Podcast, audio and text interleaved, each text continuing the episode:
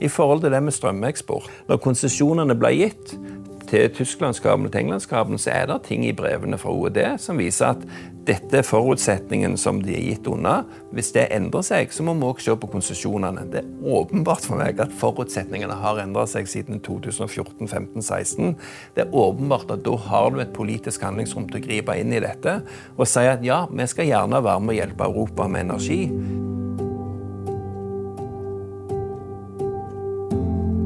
Velkommen til Toyes time, og i dag har jeg med meg Ketil Solvik-Olsen. Du er nestleder i Fremskrittspartiet og har for tiden tatt en tur ut av Stortinget og inn i det private næringsliv. Jeg må nesten få spørre, er det en stor forskjell?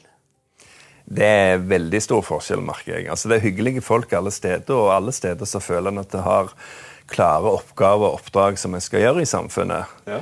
Men i privat næringsliv Nå driver jeg eh, i Seabrokers Group og sitter også i en haug med ulike oppstartsselskap. Men der er det jo resultatorientert med at eh, det er ting du skal gjøre. Du skal få selge produktet ditt, du må få investorer på plass. Du, du må altså ha svarte båndlinjer i snitt over tid. Ja. Og der er jo det veldig annerledes på hvordan du faktisk må ha inntekter for å håndtere utgiftene, mens i, i statsbudsjettet og Stortinget så der blir ting mye mer teoretisk, mye mer distansert. Fremskrittspartiets misjon ville jo være å holde staten eh, innenfor forsvarlige rammer, samtidig som at den norske stat nå bruker 60% av BNP.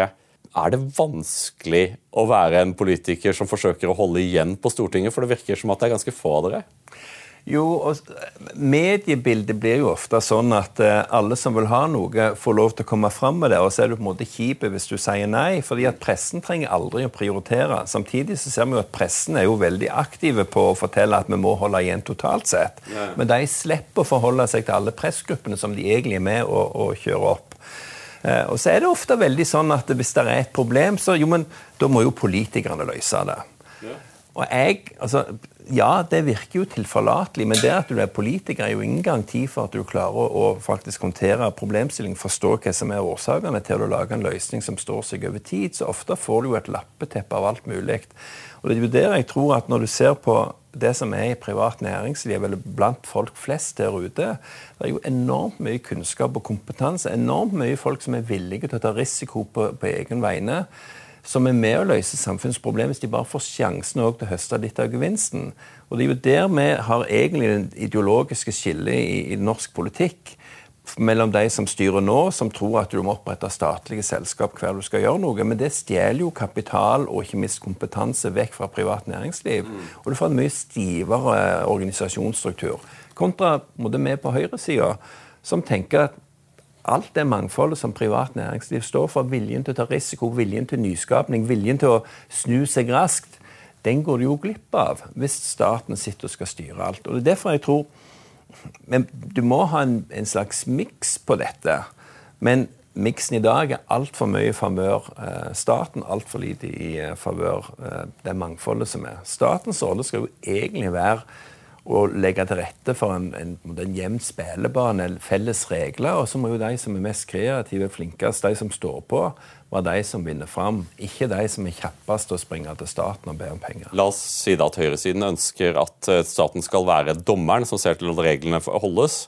Mens venstresiden ønsker å ha eh, staten som en slags libro, som, som sender ballen der de mener at den hører hjemme. Mm. Men nå har jo dette frimarkeds, liberale frimarkedsimpulsen har jo blitt svært kontroversiell i Norge pga. ett kasus, ACER og strømkablene. Hva i all verden var det som skjedde der, eh, og hvordan kunne Frp gå med på dette? Det er jo en veldig lang historie på akkurat det. og det som jeg tror vi skal huske at Selv om mange av oss snakker for en, en velregulert markedsøkonomi, så skal vi jo òg ivareta våre interesser. våre de verdiene Norge står for. og Derfor tror jeg at når vi snakker, hvis vi, hvis vi løfter blikket litt mer før vi går på Hvis vi snakker om hvordan bør økonomien vår fungere, jo, så mener jeg innslaget av det private bør absolutt være måte, sterkere til stede, fordi du får det mangfoldet, nyskapningsevne og evnen til å snu seg rundt. Så må samtidig myndighetene sørge for at alt som har med eksterne effekter, eksterne kostnader, være det seg miljø eller lignende, har en pris som da markedet må forholde seg til. Og I dag har vi nok vært for lite flinke til å ivareta både miljøeffektene. Så må vi òg ivareta sikkerhetseffekten i dette. Og Det har nesten vært fjernt fra mange. Og jeg skal innrømme selv at jeg har tenkt at just in time, verdikjeder og sånne ting har vært fantastisk. Du trenger ikke ha store lagerbygg og alt, fordi logistikken sørger for at du får inn det du trenger til neste ukes produksjon. Merverdi, hvis, ja, hvis du klarer å unngå å ha svære lager, for spør enhver bedrift, statlig eller offentlig, hvor mye penger har du liggende på lager og bare venter? Mm. Så er jo det millioner av kroner. Det er, det er en kostnad. Sant? Enten må du låne det, eller så er det penger du ikke kunne brukt til å, å dreve innovasjon med og lignende. Det var dette de sa da de forklarte oss at vi måtte ha disse strømkablene? Jo, ikke sant? Og det er der som jeg tror mange av oss har fått en oppvåkning med at den type tenkning funker i et situasjon der du har velregulert, og der alle følger spillereglene, og du kan stole på hverandre. Og så ser vi i verden i dag at den drømmen vi hadde om at Russland, Kina og alle skulle komme i retning av en felles regelbasert samfunn, eh, demokrati, det har ikke skjedd. Så tror jeg, altså, jeg tror fortsatt at vi på høyresida har vært mer opptatt av at du må ha et forsvar, fordi alle er ikke snille. Mm. Ikke det er litt sånn som På venstresida har de mest vært opptatt nå med at vi må fjerne atomvåpen, for ingen liker atomvåpen. Og det gjør ikke jeg heller. Mm. Men så lenge det fins liksom, Skal du da akseptere at ja, men vi tror på det gode, derfor fjerner vi det, og så tar du ikke hensyn til hva de onde gjør? Og Det er åpenbart det fins onde i samfunnet. Og Der kommer vi òg litt inn på ACER. at Hvis du ser på den debatten som var verdens energiforsyning og Norges energiforsyning for 15 år siden ca., mm. så gikk vi jo i et samfunn der ok, la oss samhandle mer, la oss stole mer, la den frie flyten gjelde, fordi at vi har i utgangspunktet mer enn nok. Og da er det sånn at Når Norge kan regulere kraftsituasjonen vår veldig enkelt gjennom eh, vannmagasinet Mange andre land kan ikke det. for Selv om de er gass- og kullbasert, så tar det tid å starte opp og ned. Eh, så Det må liksom være grunnlast, og så kan Norge regulere på toppen. Tanken var god så må jeg eh, understreke, fordi at i spørsmålet ditt så implisitt Frp var med på dette, en pådriver. Det er ikke jeg enig i. Okay. Fordi at når Åslaug Haga lanserte Norge som Europas batteri på Statnett-konferansen i 2008 Jeg var kritisk. Da var jeg energipolitisk talsmann. Fordi jeg så at her mister jo vi litt av konkurransefordelen vår. Så selv om jeg ønsker handel, så ønsker jeg jo selvsagt å ivareta vår beste forhandlingsposisjon som nasjon. Og det må vi ikke glemme. Selv om jeg tror at begge parter stort sett tjener i handel, så skal du ikke være dumsnill og måte invitere hele nabolaget på middag hvis du ikke har sikra mat til din egen familie først. Og Derfor var det å være Europas batteri med den rovdriften det vil bety på vannkraft, den nedbyggingen av naturen gjennom vindkraft, og det at vi ikke skulle bruke våre egne fossile energiressurser, olje og spesielt og gass, til, til energiproduksjon i Norge, det var min kritiske side. Så må vi huske det var Ola Borten Moe som framforhandla avtalene om England-Tyskland med ja, nettopp de to landene i 2012. Så er det riktig at etter avtalen forhandla, så kunne gjerne Frp sagt at nei, vi ønsker å bryte inngåtte internasjonale avtaler. Det hadde vært ganske dramatisk i den internasjonale scenen. Det tror jeg hadde skapt mye mye konflikt og mye mye støy. Og jeg tror også at Vi ikke, vi forutså ikke da hva problemet ville være. fordi at 2013-2014, hva var det den norske debatten var? Jo, strømprisen kunne gå ned i null fordi det var så mye ny kraft på vei inn i markedet. Så måtte stort overskudd at Som forbruker kjempeflott. Eh, men for å ha en balanse der òg energiselskapene ikke er konk, så må du ha en viss pris som gjør at de klarer å forrente kapitalen sin. Det var det som dominerte. Og så tror jeg når vi nå ser at samtidig som Norge skulle være Europas batteri, gikk inn i ACER, så har Tyskland, Belgia og mange andre land bevisst lagt ned kullindustrien sin, eller holder på å gjøre det, lagt ned kjernekraften sin. Altså går du tilbake til når vi snakket om å være Europas batteri så vedtok også Tyskland å legge ned kjernekraften sin, som altså sto for 25% av deres strømproduksjon. Mm. Så den verden vi er i dag, er helt annerledes både energimessig og økonomisk, men ikke også sikkerhetsmessig. Ikke minst sikkerhetsmessig enn det han var for 10-15 år siden. Og Derfor har Frp sagt, og det støtter jeg helt, at vi ønsker ikke ytterligere integrasjon med, med EU på dette. Men Er ikke det å stenge igjen døra etter at hesten har stukket av? Det jo, det er, for det er jo slik at, eh, at, suksess alltid vil ha mange fedre, mens et, eh, men en katastrofe som ACER vil alltid få være foreldreløs. Men Der er jeg litt uenig, for jeg tror vi, vi diskuterer eh, ACER på veldig mange nivåer her. og Hvis du ser på hva ACER egentlig er vi er ikke der at EU i dag kan styre norsk kraftmarked. Det er vi ikke. Det som har skjedd med Europas batteri, ble vedtatt av det norske stortingsflertallet. Frp var kritisk, men de andre vedtok det lenge før ACER i hele tatt var tema. Det at vi inngikk avtalene med England og Tyskland, hadde ingenting med ACER å gjøre. ACER har ikke gjort en eneste beslutning mot Norge per i dag. Og Det jeg vil si at det ACER er, som Norge er med i i dag, det har fått fullmakter til å være med og si hvis, hvis vi bruker et bilde fra samferdselssektoren vi er enige om hvordan skal veiskiltene se ut. Sant? Hvordan skal fartsgrenseskilt se ut, hvordan skal avkjøringsskilt se ut. Men det er fortsatt opp til hvert land å bestemme hvor skal skiltene stå. Hvilke grenser skal vi ha på de ulike veiene. Men vi er enige om at for at vi felles skal kommunisere og forstå når vi krysser grensene, så er det sånn vi skal kommunisere til bilistene. Det som er fjerde energiparket, i sånn neste skritt, der er min oppfatning at der vil EU får mer rett til å gå inn og si at nei, du får ikke lov til å bestemme selv fartsgrensen i ditt land. Mm. En ting er at vi er enige om skiltene, men jeg skal òg bestemme hvor de skal stå. og alt dette. Og Det må vi ikke finne oss i. Og Derfor mener jeg at vi har ikke gått over den terskelen der vi har mista selvråderetten, men vi har blitt enige om felles spilleregler i bånn. Eh, og Derfor har òg Frp på sitt landsmøte eh, sagt at vi går ikke neste skritt vi ønsker selvråderetten. Og fordi at noen kan dra i tvil på har vi selvråderetten, og vi måtte ha blitt enige om skiltreglene, så vil vi òg prøve å begrense innflytelsen som, som ACER-vedtaket har. Du har jo, har jo, vunnet deg en viss respekt på samferdselsfeltet. Det er ganske uvanlig at, at, politikere investerer så mye i et felt som det du har gjort. for da fikk du jo et felt det var vel bred enighet om at det ikke var noe å gjøre med. Eh, vi bare kom til å fortsette å bygge veldig lite vei for veldig mye penger, og det var umulig å gjøre noe med. Men du lyktes jo på det feltet til å få bygd en del vei, og det tror jeg til og med at opposisjonen, eh, og som nå er regjering, vil være enig i at, eh, at du fikk til noen ting der. Er det noen ting som kan gjøres på strømfeltet, eller skal vi bare belage oss på, på endeløse strømkriser om vinteren pga. at en eller annen tulling ikke forsto at vi kan ikke drifte Norge på solkraft i Tyskland om vinteren?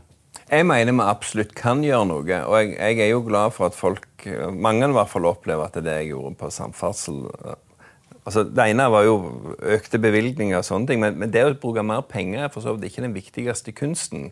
Det å få mer igjen for pengene og se på systemene og strukturen, det er jo det som er det viktigste. og Det brukte vi jo mest tid på, og det er jo det som også gjør at du, du lykkes. Og det er jo egentlig der en burde gjort mer på energifeltet. Eh, og Da tror jeg du trenger politikere som kan tilstrekkelig om fagområdet til at de kan stille de rette spørsmålene. Det er ofte det det mangler. Eh, jeg lærte jo som statsråd at eh, liksom, du kan strengt tatt sitte i et statsrådskontor og framstå kjempetravel og gjerne oppleve reelt at jo, du har fryktelig mye, men alt du holder på med, er ting som kommer på pulten din fra embetsverket eller blir vedtatt som signal fra Stortinget. Og det kan holde deg travelt opptatt som bare det. sånn at det er ikke det at du ikke på en måte jobber, men du styrer ikke. Du, du peker ikke retning. Mye av det som vi gjorde i samferdsel, var jo å sette oss veldig mange mål. Og håndterte selvsagt alt det løpende. men jobbet med å endre strukturene. Og Det kunne vi gjort på, på energifeltet. Men da trenger du folk som syns at dette er kjempeinteressant, og vet hva det handler om, så du ikke bare aksepterer alle dokument som kommer på bordet, men stiller de kritiske spørsmålene. I forhold til det med strømeksport eh, Allerede, altså Går du på, på, på nettmedia, så vil du se at jeg i fjor tidlig høst begynte å snakke om at vi må slutte å eksportere strøm når magasinfyllingen under det som er normalt for året på det tidspunkt. Ja, eh, åpenbart. Og du kan, godt, du kan godt utveksle strøm over en syv, syvdagersperiode f.eks., eller et døgn eller en måned, men du skal aldri ha netto eh, eksport i, i når du har mindre enn normalt. Mm. Det ble jo bare ja, kanskje det det fordi ditt og datt, og Statnett og NVE og alle disse liksom, Nei, men vi må forholde oss til vedtatte regler. Nå ser vi altså at de samme mediene skriver om at du er båndskrapt. Gjerne må vi begynne med rasjonering. Det er jo åpenbart i mitt syn da at da har de ikke tatt ansvaret sitt som myndighetsorgan i Norge. Og politikerne som nå styrer, altså dagens regjering, har ikke fulgt opp det de drev valgkamp på, eller den myndigheten de har. Nå er det vanlige folks tur? Jo, det er jo, altså Jeg tror jo at Arbeiderpartiet nå angrer på den floskelen. Men, men, samtidig så tror ikke jeg at så mange i Arbeiderpartiet egentlig mangler på det. For de er tradisjonelt sett mye mer opptatt av å ha makta enn nødvendigvis hva de gjør med det. Og på borgerlig side vil jeg si at Høyre er jo mer opptatt av at så lenge du sitter med makta, så kan du forme på det lange løp, selv om du er populær på kort løp, og så satser du på at det går bra til, til valget. Mm. Mens jeg tror nok gjerne at partier som Frp på, på, på, på høyresida og SV på venstresida er mer opptatt av at jo, men vi har kjempa for ting, og det må vi stå på. Og Det er gjerne derfor SV ikke kom i regjering. Men når konsesjonene ble gitt til Tysklandskabelen og til Englandskabelen, så er det ting i brevene fra OED som viser at dette er forutsetningen som de er gitt unna. Hvis det endrer seg, så må vi også se på konsesjonene. Det er åpenbart for meg at forutsetningene har endret seg siden 2014 15 16 Det er åpenbart at da har du et politisk handlingsrom til å gripe inn i dette og si at ja, vi skal gjerne være med å hjelpe Europa med energi, men, men hvis ikke Det blir litt sånn som ta på deg egen maske først før du hjelper naboen. Norge eksporterer altså 15 TWh 1500 TWh olje og gass. Det er de siste 15 TWh med strøm, pluss-minus, som vi nå eh, ser at norsk industri, norsk anleggsbransje holder på å kveles av. For det er et marked som virkelig slår inn på regningene våre. Når Tyskland sier at hun kan ikke kutte eksporten fordi at det er avhengig av hverandre ja, vet du hva, Vi snakker om 1% av den totale energieksporten til Europa. Men akkurat strømmarkedet er ekstremt viktig i Norge.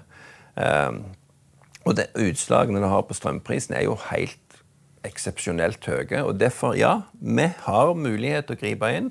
Vi burde gjort det. Nå ser vi istedenfor at rasjoneringsspøkelset dras opp. Jeg syns spesielt Senterpartiet, som når vet hvordan de var i opposisjon, burde skamme seg. Vi har jo hatt et litt sånn interessant valg bak oss. Frp Eh, etter å ha sittet i regjering, eh, som Frp brøt ut av. Men allikevel så klarte Frp til manges overraskelse å gjøre et habilt valg, tosifra. Siden valget så har Senterpartiet, eh, som Frp deler en del velgere med, har mistet to tredjedeler av velgerne. Og, og Frp har steget litt på målingene, ligger nå på Poll Polls på 12,9.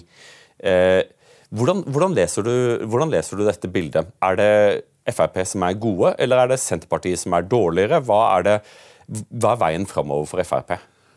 Altså, Veien framover for Frp er egentlig å få minne våre velgere, eller velgere som normalt appelleres av oss, til at vi er det partiet som har vært over lang tid. Mm.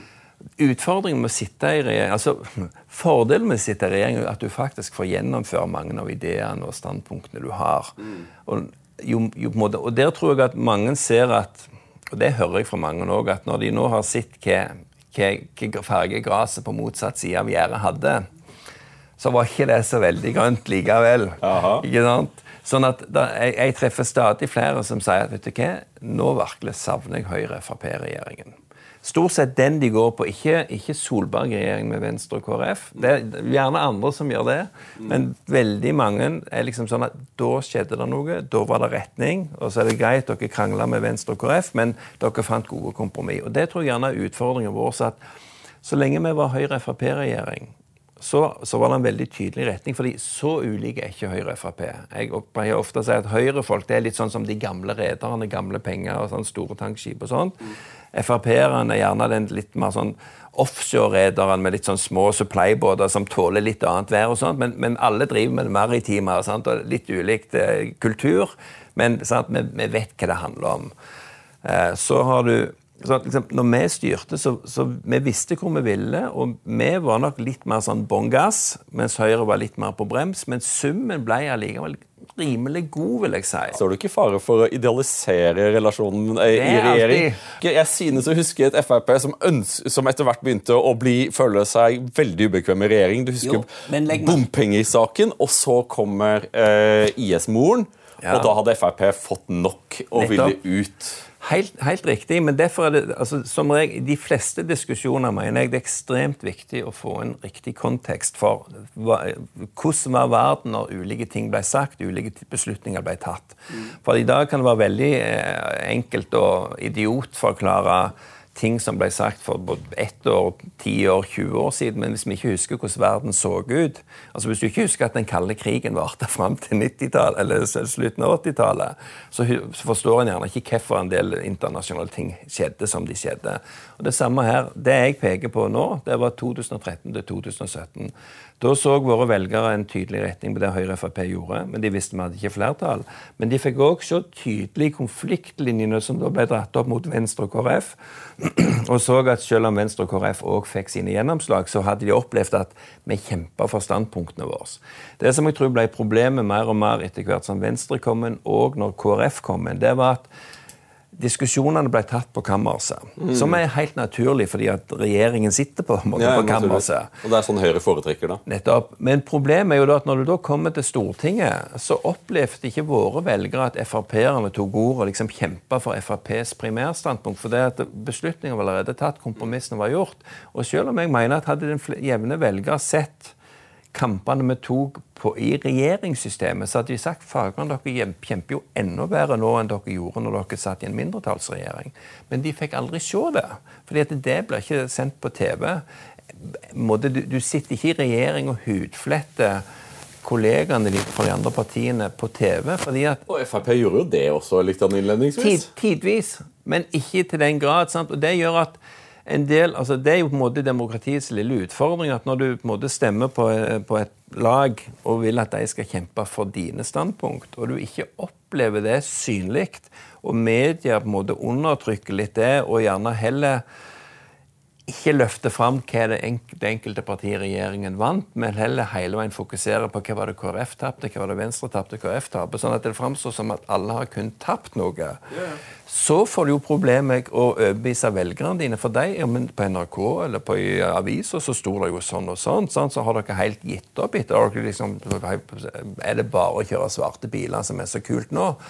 Og det tror jeg mange, spesielt Frp, kjente på. fordi der er igjen kulturen veldig annerledes enn i Høyre, som på en måte er avslappa på dette, fordi at det er de gamle pengene som seiler på de syv hav, yeah. mens vi er ute og skal kjempe med bølgene i Nordsjøen hver dag. Sant? Den type greier. Og der, der tror jeg rett og slett ja, der er vi, vi har ulik tilnærming til det med Høyre. Eh, men igjen, hvis du kikker framover, så tror jeg at vi er nå i en fase der velgerne ser at jo, Frp står for det vi òg sto for i 2013 og i 2017, men som de gjerne følte ikke var så synlig i 2017 til 2021. Men det handler om å gjenvinne tilliten til at jo da, vi er fortsatt det partiet som best tar ordet for de tingene som dere er opptatt av. Og det har jo gått fortere. Det, du vil selvfølgelig aldri innrømme det, men jeg, for meg jo, så har, det dette gått fortere enn en, en, en forventa. Ja. Frp er allerede tilbake på 13 eh, Med et godt valg så, så, så, kan partiet komme tilbake der det var da, da det gikk i regjering. Men sånn som du snakker nå, hvordan ser du for deg en borgerlig regjering etter neste valg? For jeg Forstår du dit hen at, uh, at, Frp og Høyre det er en naturlig konstellasjon slik du ser det, Eh, mens du synes, du synes, å være langt mer avventende i forhold til de nødvendige støttepartiene? For Vi kan vel ikke vente at Høyre og Frp er sammen for over 50 av, velge, av stemmene i et uh, stortingsvalg? En kan jo håpe på det fra, fra min side, men jeg tror ikke det skal være strategi nummer én. Uh, rett og slett av, av realistiske grunner. Eh, men nei, men allikevel, jeg tror at det er bedre at vi har en mindretallsregjering av Høyre og Frp, enn at vi skal strebe etter en flertallsregjering med, som inkluderer Venstre og KrF. Og Det tror jeg gjelder alle fire partiene. For hvis du ser valgresultatet i 2017 vi gikk ned med en drøy prosentpoeng. Det samme gjaldt Høyre. Det er jo egentlig eksepsjonelt etter å ha styrt sammen i fire år. Jeg var veldig imponert over det. Det var veldig overraskende. Rart at ikke mediene fokuserte mer på Ik det. Ikke sant? sant? Og, og, og, og, selv om på en måte både Høyre og Frp falt betydelig altså, Vi falt betydelig mer i 2021. Så kan du godt si at det handler om da har du fått åtte år, folk er blitt enda mer leie. Men jeg tror òg det handler om at velgerne våre så ikke Erna og Siv kjempe for standpunktene utad på samme måten som de gjorde før. Fordi at nå igjen satt en stille og rolig med Venstre og KrF og inngikk kompromissene. Og, rett og slett, der tror jeg på godt og på vondt litt av dramaturgien forsvinner når du har en flertallsregjering som dekker over de politiske motsetningene, og som gjør at velgerne ikke lar seg mobilisere, mens velgerne på motsatt side lar seg fortsatt mobilisere av at alle partiene kan stå ranke og regne og ikke måtte inngå noe kompromiss. Fordi vi så jo mange greier der de rød-grønne fikk framstå som at de fant kompromiss i energipolitikk og lignende. Jeg, husker, altså jeg ble spesielt provosert når i Stavanger Aftenblad, som er min lokale regionsavis, de skrev flott på, på kommentarplass om at uh, gjennom uh, Agenda-tenketanken så hadde de rød-grønne sida samla seg om et energi- og, og klimamanifest. Og så leste jeg gjennom det, så det er jo bare svada. Altså, hyggelig svada, for all del. Men de har jo ikke berørt noen av de vanskelige standpunktene. Men kommer du til å gjøre det? Nei, altså, nei i, i, forkant så mener jeg at det å sette seg ned og lage brede kompromiss med Venstre og KrF, det er ikke vits i, fordi vi skal ikke sitte i, Målet er ikke å sitte i regjering med dem, men, men vi må likevel peke at samfunnssynet på den borgerlige sida, inkludert Venstre og KrF, det er KrF som nå er, der har vi veldig mye felles syn på hva er familiens rolle, hva er de private organisasjonenes rolle, hvordan er næringslivets rolle i samfunnet. Så selv om vi ikke er enige på hvor høyt skal du skattlegge CO2, hvor, hvor mye reguleringer skal du ha på søndager og lignende, så er vi likevel ganske enige om hvilken retning samfunnet skal ha innenfor der. Og da tror jeg at hvis vi klarer å få fram det bildet, så vil vi alltid i løpet av et fireårsperiode klare å kompromisse på, på sakene. Men da bestemmer velgerne et styrkeforhold. Og så vil forhåpentligvis da Høyre og Frp gå og sette seg inn og lage en regjering. Og så vil styrkeforholdet på hvor viktig blir miljøsak, religionssak og lignende, basert på størrelsen på Venstre og KrF er. Du er jo kjent for å være kompetent, eh, og du er jo den Frp-erne som folk som hater Frp-ere, har en tendens til å gjøre et unntak for. Du er nestleder i partiet nå. Er du i ferd med å legge strategi for, eh, for, ny makt, eller er du på vei inn eh, i privat sektor, og så ser vi ikke noe mer til Ketil? Jeg har jo eh, Altså, på dagtid så er jo jeg i privat sektor. Jeg har, jeg har jo ingen folkevalgte verv. Jeg har av politiske inntekter så sagt litt spøkefullt det, det er reiserefusjon og frimerkegodtgjørelse. Den type greier. Så derfor Ja, jeg, jeg jobber i, i private bedrifter. Jeg er med i mye oppstartsbedrifter og sånne ting. Jeg jobber mye ja, jeg skal ikke si pro bono, men det er liksom eh, opsjoner på at noe kan gå bra i framtida. Men, ja. ja. Ikke sant? men det er, for noen av det kommer til å bli verdiløst. Men det er litt sånn ulike lotteri. Men, men, alt er innenfor en sfære som handler om teknologi, mobilitet, eh, transport og anleggsfaget. Men fremdeles så løfter du jo tungt i Frp. Du har, du har vært inne og hjulpet til med Oslo øh, og få liksom få, få roen tilbake i, i partiet. Eh, og, du, og, det virker jo også som at på landsmøtet så var du jo Du fikk ikke inntrykk av at du var på vei ut? Nei, fordi samfunnsengasjementet lever jo videre. ikke ja. sant? Sånn at jeg, Det er jo ting jeg vil med Norge og med samfunnet. Og for meg så er Frp da et, et redskap og på en måte min forening. Der, Parti ja, som jeg, redskap? Men der hørte jeg, det høres ut som jeg har en egen plan. der det, Men liksom, det, det er min politiske familie. Ja. Så selv om jeg nå ikke har det som levevei, og liksom det er andre som håndterer den daglige pliktene på Stortinget, i kommunestyret og sånne ting. Og, og, og, kjempebra. Så har jeg veldig lyst til å være med på laget. Og jeg, jeg har såpass tillit til egne evner at for meg så kommer ikke politikken noen gang til å være det yrket jeg må ha for å ha inntekter. Det, det føler jeg jeg beviser nå sjøl. Mm. Men jeg har fortsatt så mye inni meg jeg har lyst til å bidra med, at det å ha nestlederverv i Frp er for meg en kjempefin måte å kunne være med og påvirke både i Frp, ha en stemme utad. Samtidig som masse andre folk har, en, har dette som sitt yrke og er med å, og skriver alle de notatene, gjør alle de debattene i Stortinget og kommunestyret andre steder. Og så, og så, er det på en måte lagfølelsen vi må få på plass. Ja, absolutt. Så hva min rolle er om to år, fire år, seks år, ti år altså jeg, jeg klarer ikke å se at det skal skje noe i verden som gjør at jeg ikke er Frp-er. fordi det er på en måte grunnsynet og liksom, hvem er det jeg er. Mm. Uh, men jeg har aldri hatt som mål at jeg må være den som utfører alle oppgaver.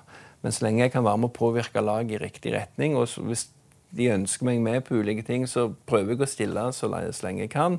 Men det er, liksom, det er ikke den personlige maktambisjonen som sådan som er driveren. Men Det kan man jo ikke si høyt uansett. Men du jobbet, du jobbet jo veldig tett med, med, Siv Jensen, og etter alle kanter jeg hører, så var det et velfungerende partnerskap. Hvordan er det å jobbe med Sylvi? De er ulike personer, men jeg tror at uh, Sylvi holder jo på å gjøre en del av de spådommene rundt henne til skamme på at hun er altfor spissformulert og sånne ting. Ja, hun er veldig klar og tydelig i talen, men jeg tror du har fått en helt annen Frp-leder hvis du ser nå, mm. enn det mange spådde for bare et år siden. Uh, så tror jeg at altså, i politikken Ja, vi som er i, i et gitt parti, vi, vi deler mange grunnsyn i samfunnet. Derfor en havner der. men det er ikke sånn at en dermed plutselig er omgangsvenner og alt sånne ting. Jeg tror De fleste av oss som politikere lever våre egne liv uavhengig. Det er ikke sånn at vi går i middager til hverandre. og sånne ting. Det, det, har jeg aldri gjort med noen av partivennene mine. Mm. Jeg sykler med noen av de. Det er Jon Georg Dale og dessen. sant? Jeg har lurt alle de til å kjøpe sykler og, og sånn. så Sånn, så det det syns jeg er trivelig. Men jeg kan nesten ikke huske at jeg har vært hjemme hos Jon Georg og spist middag noen gang. og sånne ting. Sånn at, du skiller mellom jobb og det private. Kan du fortelle litt om, om din bakgrunn? Ja, det, det kan jeg. Altså, eh, jeg er opp, født og oppvokst på Bryne, på Jæren. Med familien drev bensinstasjon som min farfar starta på 30-tallet, og min far drev til slutten av 80-tallet. Mm. Uh, så på en måte så har måte, olje og gass, eh, transport, mobilitet ligget som en del av hele oppveksten min. Sant? Min far, etter han solgte bensinstasjonen, så tok han noen runder med juss, men endte opp med å være disponent i et eh, som var busselskap og logistikkselskap. Mm. Selv har jeg jobbet i Leif Høeg rederi. Jeg har jobbet i OSM Aviation, som driver med pilotopplæring, eller driver med pilotopplæring. Eh, min svigerfar er pensjonert lokfører, så alt innenfor samferdsel er spennende. Har bodd mange år i USA. Altså, ja, for... Trygg og god oppvekst på Bryne, ja. men eh, alltid drømt altså Vi følte liksom at bo på, på Jæren, og så er det ingen slektninger i familien som emigrerte til USA. Følte oss, jo, ja, følte oss jo helt mislykka. Det var jo faktisk foreldrene mine som kom bort eh, til meg en dag og så bare liksom Ketil, du skulle ikke vært utvekslingsstudent i USA, vel? Ja, ikke sant? Det var deres måte å få en kobling til USA. Og Jeg endte jo opp, jeg bodde et år hos en flott familie helt sør i Michigan, og sør for Detroit. Mm. Og de var jo dumme nok når jeg reiste og sa 'come back anytime, Kettle. You're always welcome here'. Så to år seinere flytta jeg tilbake og bodde hos de i tre år til. Og tok studerte i Ohio. I tre år? Ja, altså, var, da, har du allerede vært i Amerika i fire år til? Eh, til, ja, til sammen. Jeg var der, kom hjem, gjorde ferdig videregående skole i Norge, var i gardemusikken, og så flytta jeg til USA og studerte. Og da, da studerte jeg i Ohio, men bodde i Michigan, så det var en fin liten kjøretur hver morgen. Siden da så har jeg òg eh, altså Jeg var med på OL i Atlanta som funksjonær. Jeg har vært internship i Washington DC hos en senator fra Ohio. Jeg har bodd ja, et halvt år i Florida, jobbet i Disney, og nå senest med kone og unger så bodde vi nesten to år i Birmingham, Alabama. Gud Også, bedre. Du ja. har bodd, nesten bodd mer i Amerika enn det du har bodd, eh, bodd hjemme. Ja, det, jeg har i hvert fall bodd mange ulike steder og fått mye ulike uh, erfaringer. Sant? Og litt det å ha, ha, gjort ting i ulike stater, så er det jo på en måte ja, USA er fantastisk fordi det er egentlig veldig enkelt å forholde seg til, for det er veldig likt fra stat til stat, med samme mynt og mye samme språk og sånt. Samtidig så merker en jo at det er veldig forskjell på å bo i Alabama eller å bo i i, i, Michigan. Og Florida for den saks skyld òg, selv om de to faktisk deler grensa. Alabama og Florida. Kjempeforskjell. Fantastisk opplevelse. Samtidig så, så, så jeg når jeg var der borte nå, så var det en ranking over de 50 største byene i USA, liksom fra best to worst. Mm. Toledo, Detroit, Birmingham. Altså, jeg har bodd i de tre dårlige sosioøkonomiske byene. Ja. Alle byene er prega av Eh, Boomen som USA opplevde på 1900-tallet med bilindustri, stålindustri og alt sammen. Og etter hvert så var jo dette industriarbeidsplasser der du kunne komme og være relativt ufaglært, men få en decent wage, ha ditt eget hus i suburbs og, og brødfø en familie med stolthet. Og mye av den industrien har jo blitt konkurrert eh, enten ut av landet eller til andre deler av landet. Mm. Sånn at downtown Detroit hadde jo nest ja, 1,8 millioner innbyggere. I dag er det 600 000 igjen. Downtown Birmingham hadde 330 000 innbyggere på, på toppen, det er rundt 200 000 igjen. Så du, du, har jo en, en, en, en, litt sånn trist skjebne for enkelte av byområdene. I rustbeltet, ja. Ikke sant? Samtidig, der jeg bodde i Alabama, fantastisk bydel. altså Velfungerende, beste skolene i USA og hele pakken. Men du skal bare kjøre 20 minutter til en annen bydel der stålverket var. Ble nedlagt på 80-tallet, og du har hatt en bydel som gikk fra 60 000 til nå 6000 innbyggere. Og det er ikke rakettforskerne som blir boende igjen. Dette, det er jo der du får de store sosiale problemene for alle som har på en måte sosiale ressurser. De flytter med arbeidsplassene de som ikke har ressursene, de som er på en måte litt taperne i samfunnet fra før av, det er de som forsvinner. Når du ikke får måte, samfunnets stødige folk til å være fotballtrener, korpsleder, speiderleder, mm. da får du virkelig a race to the bottom. Og det er der jeg tror det er viktig at selv om mobiliteten i samfunnet er viktig, og at det er at vi faktisk også, når, når verden endrer seg, tilpasser oss, så er det òg viktig at vi klarer å ha lokalsamfunn der du du har de sterke og de svake som hjelper hverandre, istedenfor at det blir så ekstremt eh, stor forskjell mellom de ulike bydelene. Ulike. Hver norsk velger vet at, eh, at, Fremskrittspartiet er omtrent det mest proamerikanske partiet på Stortinget. Samtidig som at du eh, gjennom din egen livserfaring vet at det går ikke så bra i Amerika. Mange av de tingene som vi respekterte ved Amerika, eh, liksom fremtidslandet eh, det har vært noen tøffe år for, for, for, USA. Mener du at det er riktig for Norge å legge alle kurveeggene i den kurven, når det ser ut som at vi er alliert med en raskt svekket stormakt? Jeg tror Det er viktig, altså det, er mange grunner til at eh, jeg som Frp-er syntes at USA har vært et eh, fantastisk spennende land. og ja, Jeg er enig i at pilene peker mye i feil retning. Ikke på alt, men på en del. Eh, men sikkerhetspolitisk så er de fortsatt storebror i den alliansen som ivaretar de verdiene som Norge og Europa holder høyt. Altså demokrati, menneskerettigheter og alt dette. Så det vil alltid være ulike støykilder i ulike land på ulike tidspunkt. Akkurat nå så sliter USA. Mm. Samtidig skal vi huske at USA er 330 millioner innbyggere. Enormt med migrasjon fortsatt. Tatt alt det i betraktning, så er det fortsatt det mest vellykka demokratiet vi har i den størrelse. Og det å sitte og liksom, tenke på Norge som akkurat for tiden er vil jeg fortsatt si veldig velfungerende. Altså, vi har en høy grad av tillit, en høy grad av levestandard, en høy grad av inkludering. På toppen av alle internasjonale rankinger. Ikke sant?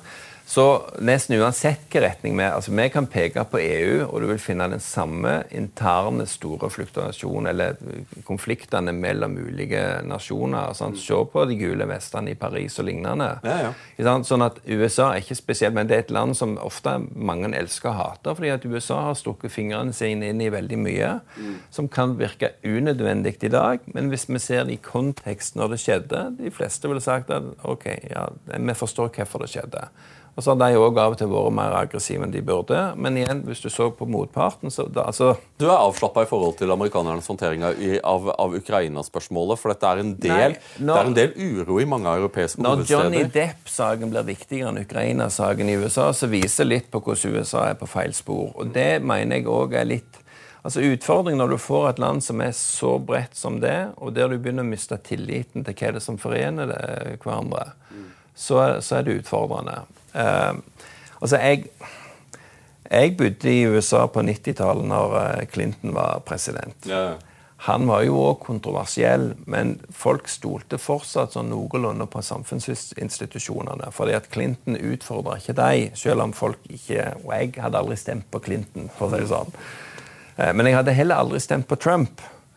Selv om jeg gjerne står nærmere en del av de verdiene altså Jeg står jo nærmere de republikanske verdiene generelt, men jeg har aldri forstått denne våpenforherligelsen som republikanerne står for. Jeg er heller ikke enig i liksom, det ekstreme abortstandpunktet deres.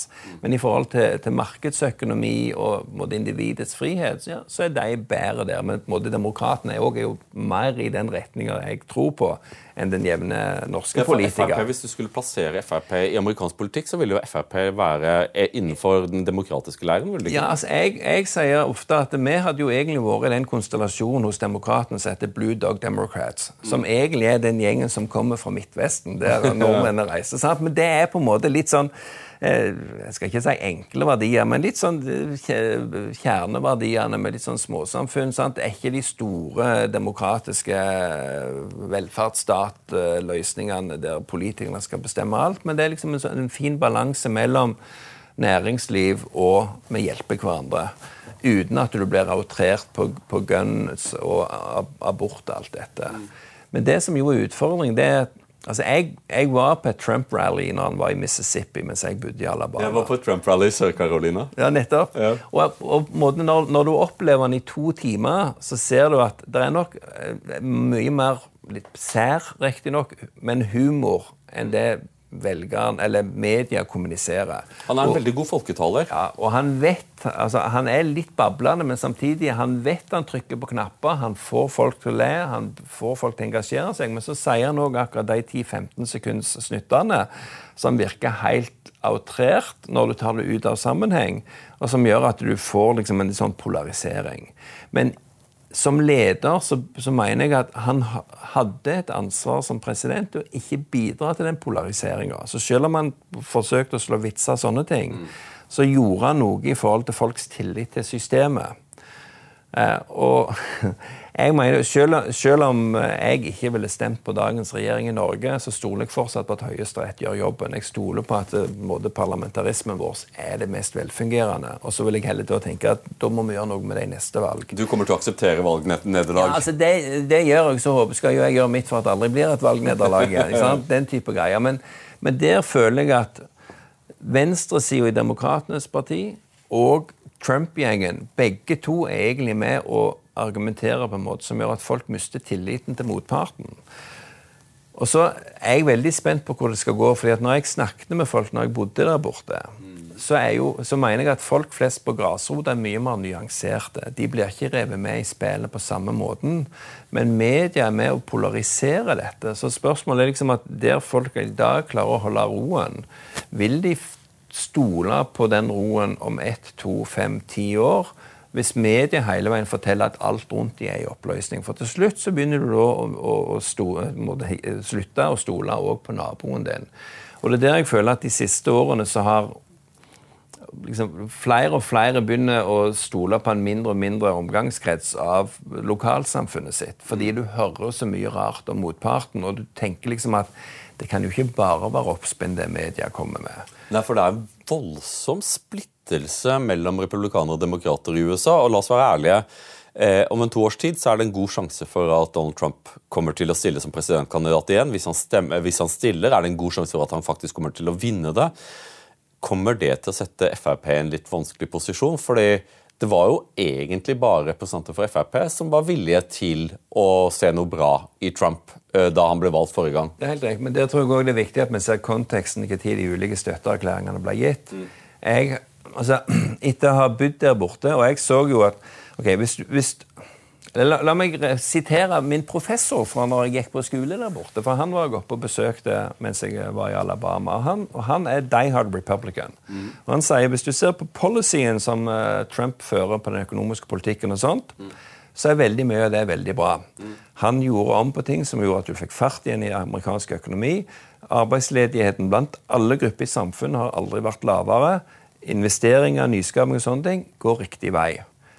Problemet, sa han, og, dette, og det syns jeg jeg skulle eh, huske i og med at han hadde den politiske holdningen han hadde, problemet er at han river opp samfunnets tillit i, med, med, røttene. Mm. Og uansett hvor bra ledighetstall du får, når du ødelegger samfunnets strukturer, så ødelegger du samfunnet i sum.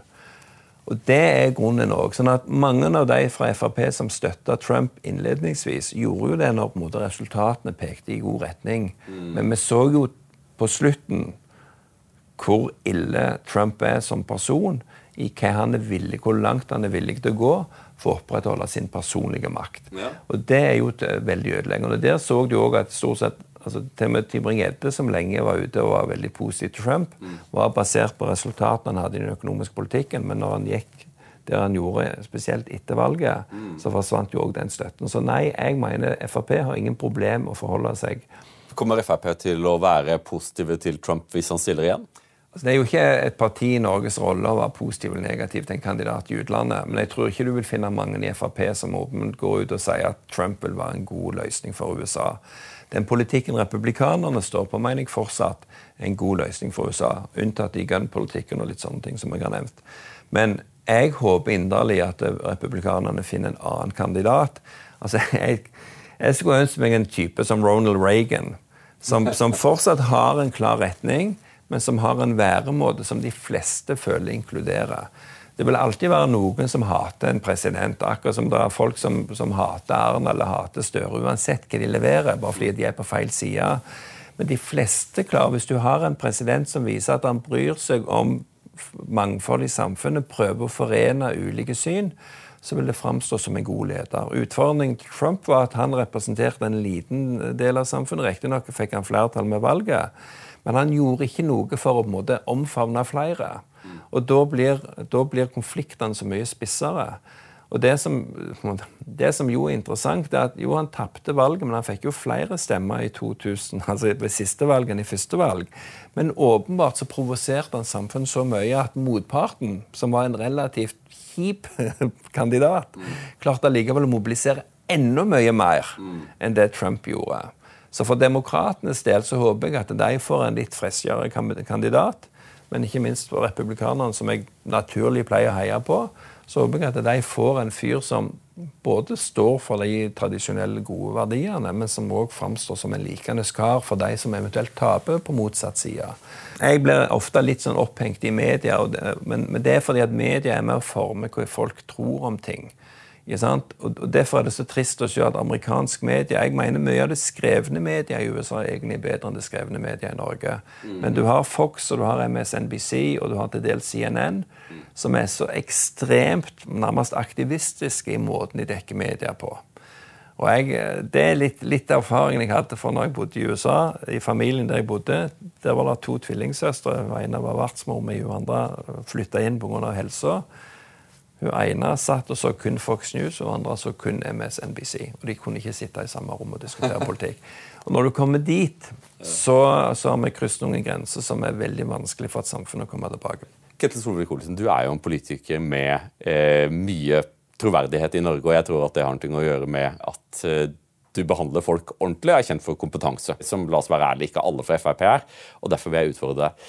Hva er de største utfordringene som Norge nå står overfor. Oppgaver som det ikke er så veldig mye politisk kapital å hente. Kanskje det er også en del eh, man kan tape på å involvere seg. Det er derfor det ikke har blitt gjort.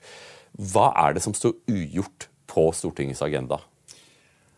For det første så mener jeg at du finner like mye kompetente folk i Frp som i alle andre partier, men med en brukerforsamling i alle partier òg. Og folk har kompetanse på ulike steder. Og så tror jeg også, ja, jeg har vært opptatt av at vi skal snakke med innestemme. Fordi at det, ting er komplisert. Og det ser jeg òg i privat næringsliv. Én ting er å si innovere noe nytt, men det å gå fra der til å faktisk få noe som står seg, som du kan tjene penger på, som har livets rett, er veldig vanskelig. Og derfor er alt det som nå snakkes om med grønne skifter og sånne ting, ja, det er viktig, fordi det er viktig å hele veien øh, utvikle næringslivet. Men det er fryktelig enkelt å sitte som politiker og si at nå skal vi finne opp noe og så ta det videre. Jeg bare se hvor dårlig EU er på det. liksom Endeløse strategier for, for, for voldsom industriutvikling, og så skjer det bare ikke. Sånn at det, altså det jeg tror ikke det jeg skal, si nå er det aller viktigste, men jeg tror allikevel det er viktig. fordi at vi er så opptatt i Norge at nå skal vi bruke masse penger på å, både, ja, det, det, grønne skiftet og Innovasjon Norge og sånne ting. Men der opplever jeg litt med, med å ha måte, hendene midt oppi det òg, at vi bruker fryktelig mye penger på å lage alt mulig markedsavklaringsstudier. Alle mulige folk skal få sjansen til å tenke. Men tenk, altså tenke nytt. Men det å faktisk komme og se Er det faktisk et marked som etterspør dette? Mm. Er det noe du faktisk, altså En ting er vi kan omsette for så og så mange milliarder kroner i, i offshore havvind. Ja, Men hva kommer den strømmen til å koste til slutt? Mm. Er det lønnsomme arbeidsplasser eller er det subsidierte arbeidsplasser? Det, mange av de spørsmålene forsvinner ofte. Og det er litt for mange bedrifter som bruker mye tid på å blidgjøre opp Stortinget i håp om å få ut noen millioner kroner ekstra i av risikoavlastning og sånt. Mer enn å bare si vi gir generelt gode rammebetingelser. staten blir en mer krevende kunde, men sørger for at markedet da finnes ved at staten etterspør det, istedenfor at vi innoverer masse ting som egentlig bare handler på skrothylla til slutt. fordi at ja, det funker, men det har ingen verdi for samfunnet. Men interessant at du skulle si det, for dette er jo noe som jeg støtter på når jeg diskuterer med økonomer, som, som sier at problemet med den norske økonomien er at det er i ferd med å bli en insiderøkonomi, der staten er den primære kunde, og hvor, hvor, ulike selskaper egentlig bare er i konkurranse om å få tilgang til statens subsidier, eh, snarere enn å konkurrere med, med sine motsvarigheter i utlandet og bli best på det de driver på med. Er det en rimelig beskrivelse av en fare ved norsk økonomi? Ja, jeg, jeg syns det. Og faren med det er også òg at selv om eh, du har mye kompetente folk i offentlig sektor, så er det en veldig mye mer rigid struktur. fordi at det er politikere som gir styringssignal som så omsettes av ledelsen i ulike etater, direktorat og statlige selskap. som igjen da, sant? Sånn at det er så mye hierarki. og der du, Det er noen som tar seg friheter, men de fleste er veldig tro med akkurat den bestillingen de har fått. Mens i privat næringsliv så vil folk kunne snu seg mye mer rundt, fordi du risikerer mer dine egne penger, og da kan du òg mye mer innflytelse på beslutning som tas, på godt og på vondt. Så privat næringsliv er jo ikke en garanti på at de alltid tar gode beslutninger, mens offentlig sektor tar dårlige beslutninger. Tvert imot. Men privat næringsliv gjør jo at du kan Hvis folk ikke lykkes, ok, så forsvinner det selskapet, men de som lykkes, kan vokse videre. Mens hierarki i offentlig sektor tillater ikke den samme dynamikken, og dermed så blir det stivere, det blir tregere, og du får mindre igjen for pengene.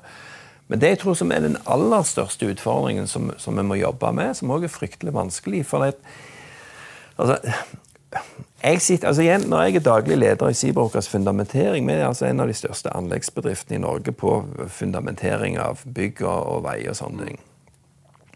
Vi er konstant på utkikk etter folk. Og det, Vi trenger ikke folk som har seks års eh, universitetsutdannelse. Vi trenger folk som kan styre maskiner uten å ødelegge dem, som på en måte kan ta ansvar og sånne ting. Ja.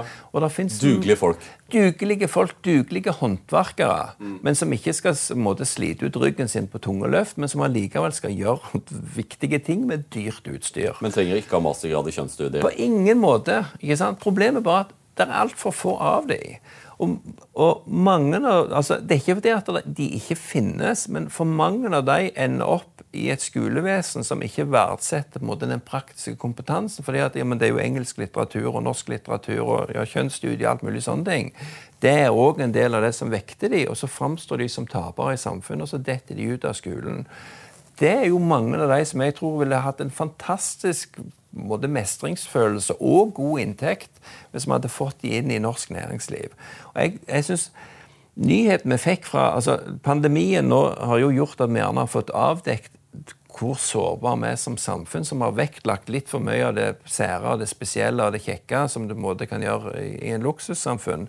Men der vi da har helt glemt at vi trenger òg å ha rørleggere, tømmermenn, håndverkere og andre. Og bønder? Ikke sant? Og bønn, ikke minst. Og det, og det, var akkurat det jeg tenkte på. at Når, når vi altså kunne lese i nyhetene i, i, i fjor at norske jordbær råtner på åkeren fordi vi ikke lenger klarer å plukke våre egne jordbær, og folk på Nav som får da muligheten til å ta jordbærjobber, gir opp etter en dag, det mener jeg faktisk er den største utfordringen vi står for. Fordi at verden kommer til å bli mer og mer komplekst i forhold til hva slags system og løsninger vi har tilgang til. Altså Alt fra hvordan designer du en mobiltelefon, til hvordan organiserer du samfunnet. Alt blir mer komplekst. Og ja, det krever at vi har noen ekstremt flinke teknologiske miljø, ekstremt flinke folk som klarer å se de store linjene og forstå verden. Men i bånn så trenger du ha alle de som får hverdagen til å funke, som kan håndtere maskinen, som kan fikse maskinene, som, som, klarer å skru på en PC, skru på en boremaskin, skru på en bil, skru på en buss, kjøre en buss og gjøre det med stolthet. Du vet, du kan leve av de inntektene. Hva kan vi vente fra, fra deg framover? Eh, kommer du til å være med på, på laget fremover med Fremskrittspartiet? For du har allerede skissert hva som er det foretrukne styringsalternativet med Frp og Høyre? Eh, kommer vi til å se Ketil Solvik-Olsen som minister i en fremtidig regjering? Eller er du bare nå i den fasen der du bare du, du rydder opp og ser til at allting er i god stand, før du fortsetter veien inn i det private? Nei, du vet, den, den største gleden min ville jo vært å se Frp som landets største parti. Eh, men igjen, og det må du bare tro meg på, selv om jeg vet mange liksom men, men, jo, eh, det viktigste for meg er at Frp gjør det godt. At vi har et mannskap som vi er stolte av, og som vi utfyller hverandre på en god måte. Og Hva min rolle i det vil være, det vil tida vise. Men jeg, eh, altså jeg har ofte sagt at jeg har lyst til å være med der beslutningene tas, men jeg må ikke nødvendigvis spille hovedrollen.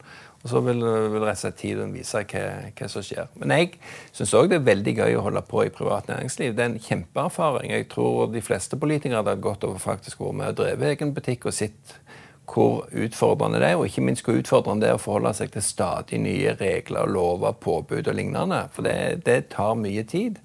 Eh, og så er jeg veldig glad i å sykle, så jeg har jo sykkelreklame på jakken. Jeg er veldig glad i biler. Så det er mye ting som gir livet mening. Men det å ha et godt samfunn å bo i, det er må de veldig viktig ramme for at de fleste av oss skulle kunne leve gode liv. og Derfor er det politiske engasjementet det kommer til å være med meg hele livet. Er jo, nå er du jo tilbake på Vestlandet, og det er jo ingen til steder hvor vestlendinger trives så godt som når de er vestpå. Er det fint å være og ha en jobb der du må, må reise mye til Stavanger? Ja, jeg er familie, og jeg bor jo i Oslo, men eh, hovedkontoret på, til Seabrokers ligger jo eh, i Stavanger, ja. Og da bor jeg hjemme i eh, barndomskjellerstua på Bryne hos far. Gjør du det? Ja, så nei, det, det, føles godt. Jeg merker jo når jeg er hjemme at eh, liksom Jæren, det, det, er der jeg egentlig hører til. Eh, samtidig så er jeg jo veldig glad i familien, så det, liksom, det å kunne være hjemme og legge ungene, det gir alltid en spesiell glede. Så Sånn sett, Det er godt å ha tilhørighet mange steder. Akkurat som jeg òg har hjertet fortsatt i USA. Og slik du fortsatt har hjertet i Fremskrittspartiet, forstår jeg. Ketil Solvik-Olsen, takk for at du kom til Torjus time. Takk for at jeg fikk komme.